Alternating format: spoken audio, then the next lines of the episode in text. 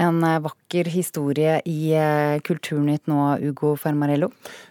Kinopremierene nærmer seg, det skjer alltid på fredager, og en av filmene denne uken heter 'Breathe', en vakkert filmet historie om sykdom og kjærlighet, som vår anmelder har sett, og den kommer vi tilbake til. Men det skal begynne også med film. Den norske filmen 'Hva vil folk si?' handler om sosial kontroll i en norsk-pakistansk familie, laget av regissør Iram Haq. Filmen har hittil hatt rundt 62 000 besøkende siden premieren for drøye tre uker siden, og det er mye i Norge for en film som ikke er en såkalt familiefilm. Og i går ble det kjent, da Iram Haq var gjest hos Torp på NRK2, at filmen også får distribusjon i utlandet. Rådgiver i Juridisk rådgivning for kvinner, Mona Awasi, mener filmen er bra, og at den viser et ekstremt eksempel på sosial kontroll. Hei, eh, jeg skal ha en caffè latte liten. Vi befinner oss på Kaffebrenneriet i Oslo sentrum. Mens rådgiver Juridisk rådgivning for kvinner, Mona Awasi, venter på kaffen, snakker hun om Iram Haks film. Ved første altså sånn med en gang jeg hadde sett den, altså med en gang den var ferdig, så tenkte jeg at den var uh, veldig kontroversiell, kanskje. Fordi jeg har ikke sett en lignende film før. Mona har bakgrunn fra Iran og Marokko.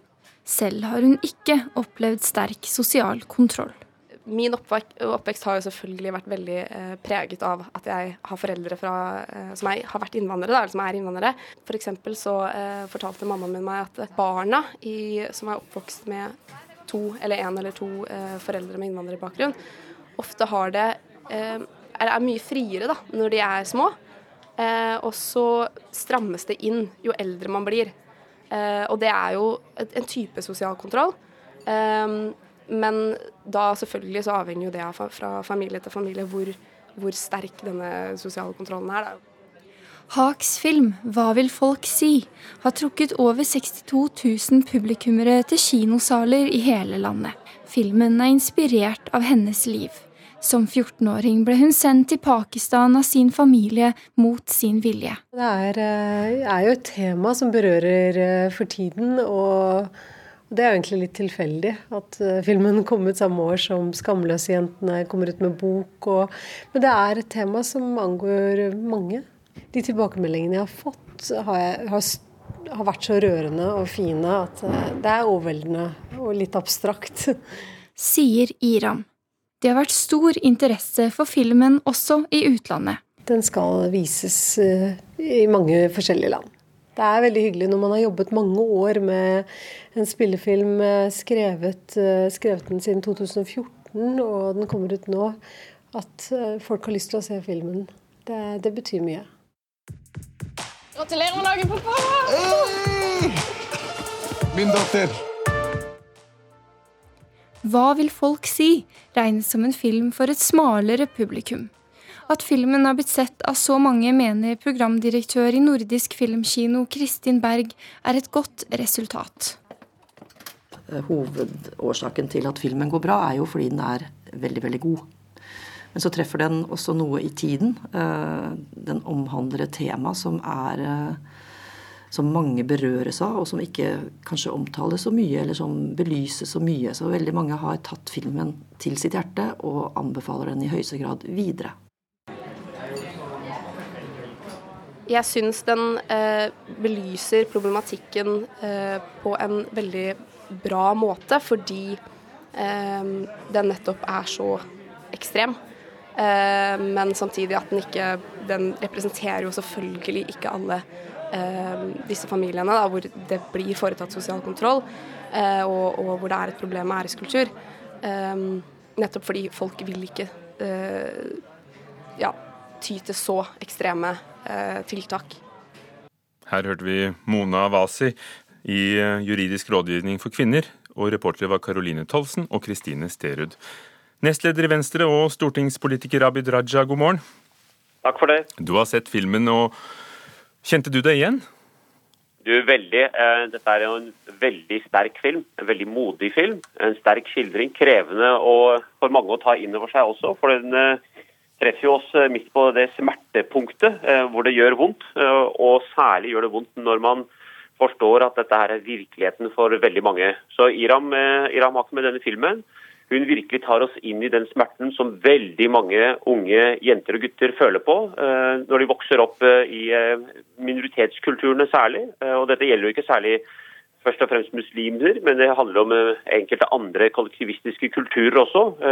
Og viser på en måte hvordan det er å vokse opp i et vestlig samfunn som Norge i dag, og hvordan det har vært å vokse opp i vestlig samfunn som Norge de siste 20-30 årene. Hvilke tanker gjør du deg om at 62 eh, 000, som er mange for denne typen film i, i Norge, har sett den på bare litt over tre uker?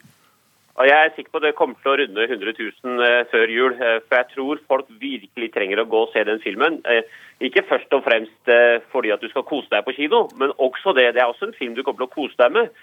Men du kommer til å du, du, lærer en del. Det er en god film. Det gir deg god innsikt, forståelse. Og så får du også deltatt faktisk i den smerten som mange av disse skamløse jentene er nå ute og forteller om gjennom bøker, gjennom foredrag. En innsats som mange jenter har gjort før disse nye skamløsjentene kom. Og Iram har jo vært banebrytende i mange år, og med denne filmen så tar hun oss enda dypere inn i den smerten. Og nettopp når det gjelder disse jentene du snakket om, i går møtte du og venstreleder Trine Skei Grande på ditt kontor. Shabana Rehman, kjent komiker, forfatter Amal Aden og filmskaper Iram Haq. Og Aftenposten skriver at dere går inn i budsjettforhandlingene med et krav om fem millioner kroner til en organisasjon mot såkalt æresvold. Ja, hva er det du har i tankene? Ja, så Dette er jo Trine sin lille idé også. og det er jo at I gamle kvinnekampen i Norge så lærte man å organisere seg. til Trine. altså, tenker jeg, Men da må vi også bidra til å organisere alle disse jentene som har kjempet hver sin kamp på hver sin måte. Shabana der ute som samfunnsdebattant og komiker. Iram har laget filmer. Amal har skrevet bøker. Og så kommer Nancy og Amina og de nye jentene. Og mellom der har hun en annen generasjon av Kadra og Nadia og Jeanette og Layal. Og, eh, det er masse jenter Maria, masse jenter her ute nå. Og Istedenfor at de alle skal holde på på hver sin tue, hvorfor ikke gi dem organiserte rammer? Ta denne energien nå videre, og ikke minst få denne utviklingen til å gå raskere. For utviklingen har skjedd, virkelig. Det har blitt mye bedre. Men vi trenger virkelig at vår samtid endrer disse sosiale kontrollene som finnes. Altså mindre sosial kontroll, mindre ære som tvinger deg til å holde igjen, mer frihet. Og jeg er sikker på et sånt nettverk, når vi legger til rette for det politisk, så er jeg helt sikker på at det kommer til å drive utviklingen fremover mye raskere. men, men, men Abid Raja, hva, ja. hvilke reaksjoner har, har, du selv fått høre fra det norsk-pakistanske miljøet om filmen Hva vil folk si? Ja, Det er kontroversielt, for det er ikke bare halleluja. Det skal sies. For det er jo de mer ja, yngre generasjonen som kjenner seg igjen i problematikken, som har en um, hallelujastemning på dette. Men så har du også sterke konservative krefter som overhodet ikke kommer til å se den filmen, for de vet at dette her kommer til å utfordre de for mye. Og de har denne, de vil fremdeles stemple disse jentene som ja, dessverre. Det kommer ned, nedverdigende ord eh, fra den gjengen, og det florerer også på lukkede sosiale medier om dette. Eh, men dette viser jo nettopp derfor, altså den kampen som Shamana, Amal, Iram har stått i, og den filmen bringer oss enda videre et skritt. Den kampen er viktig hvis vi skal klare å endre den ukulturen som finnes også i Norge.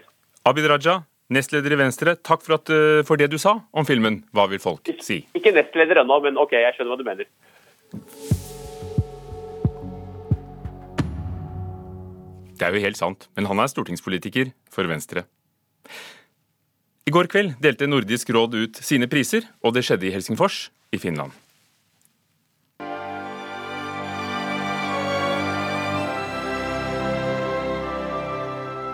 Reporter Kristine Sterud, hva hører vi her, og hvorfor?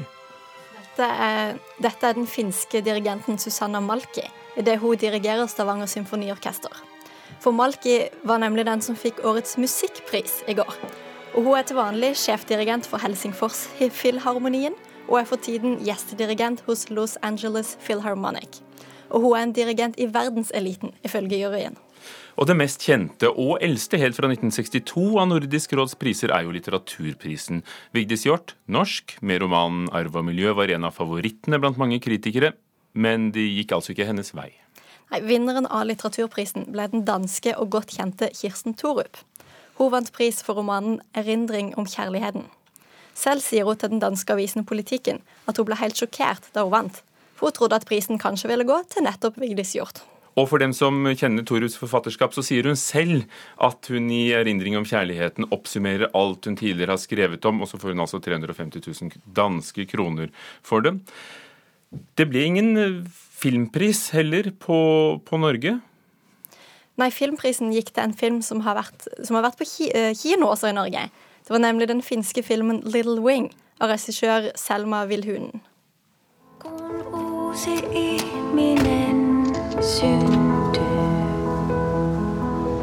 Onko mun isän näköinen? Miksi sä sitä kyselet? En oppvekstskildring som også har fått veldig gode kritikker, men vi legger Nordisk råd til side. Apropos film, den planlagte filmen om Playboy-gründeren Hugh Hefner er innstilt. Jo, det er fordi Brett Ratner, som skulle vært regissør på filmen, han er nå anklaga for seksuell trakassering. Det er seks kvinner som har anklaga han for dette, ifølge Los Angeles Times. Og Dermed så vil ikke filmselskapet Warner Bros., som jobber med Hugh Hefner-filmen, samarbeide med Ratner før det de kaller hans personlige problem, er løst. Og kontrakten mellom filmselskapet og Ratner er verdt nesten 3,7 milliarder norske kroner. Takk skal du ha. Fredag er det kinopremierer, og i morgen kommer filmen 'Breathe'. Dette er regidebuten til Andy Serkis, en kjent skuespiller fra bl.a. 'Ringenes herre' og 'Planet of the Apes'-filmene. Vår kritiker Birger Vestmo sier at dette er en vakkert filmet historie som kunne ha vært litt modigere. I'm not feeling too good.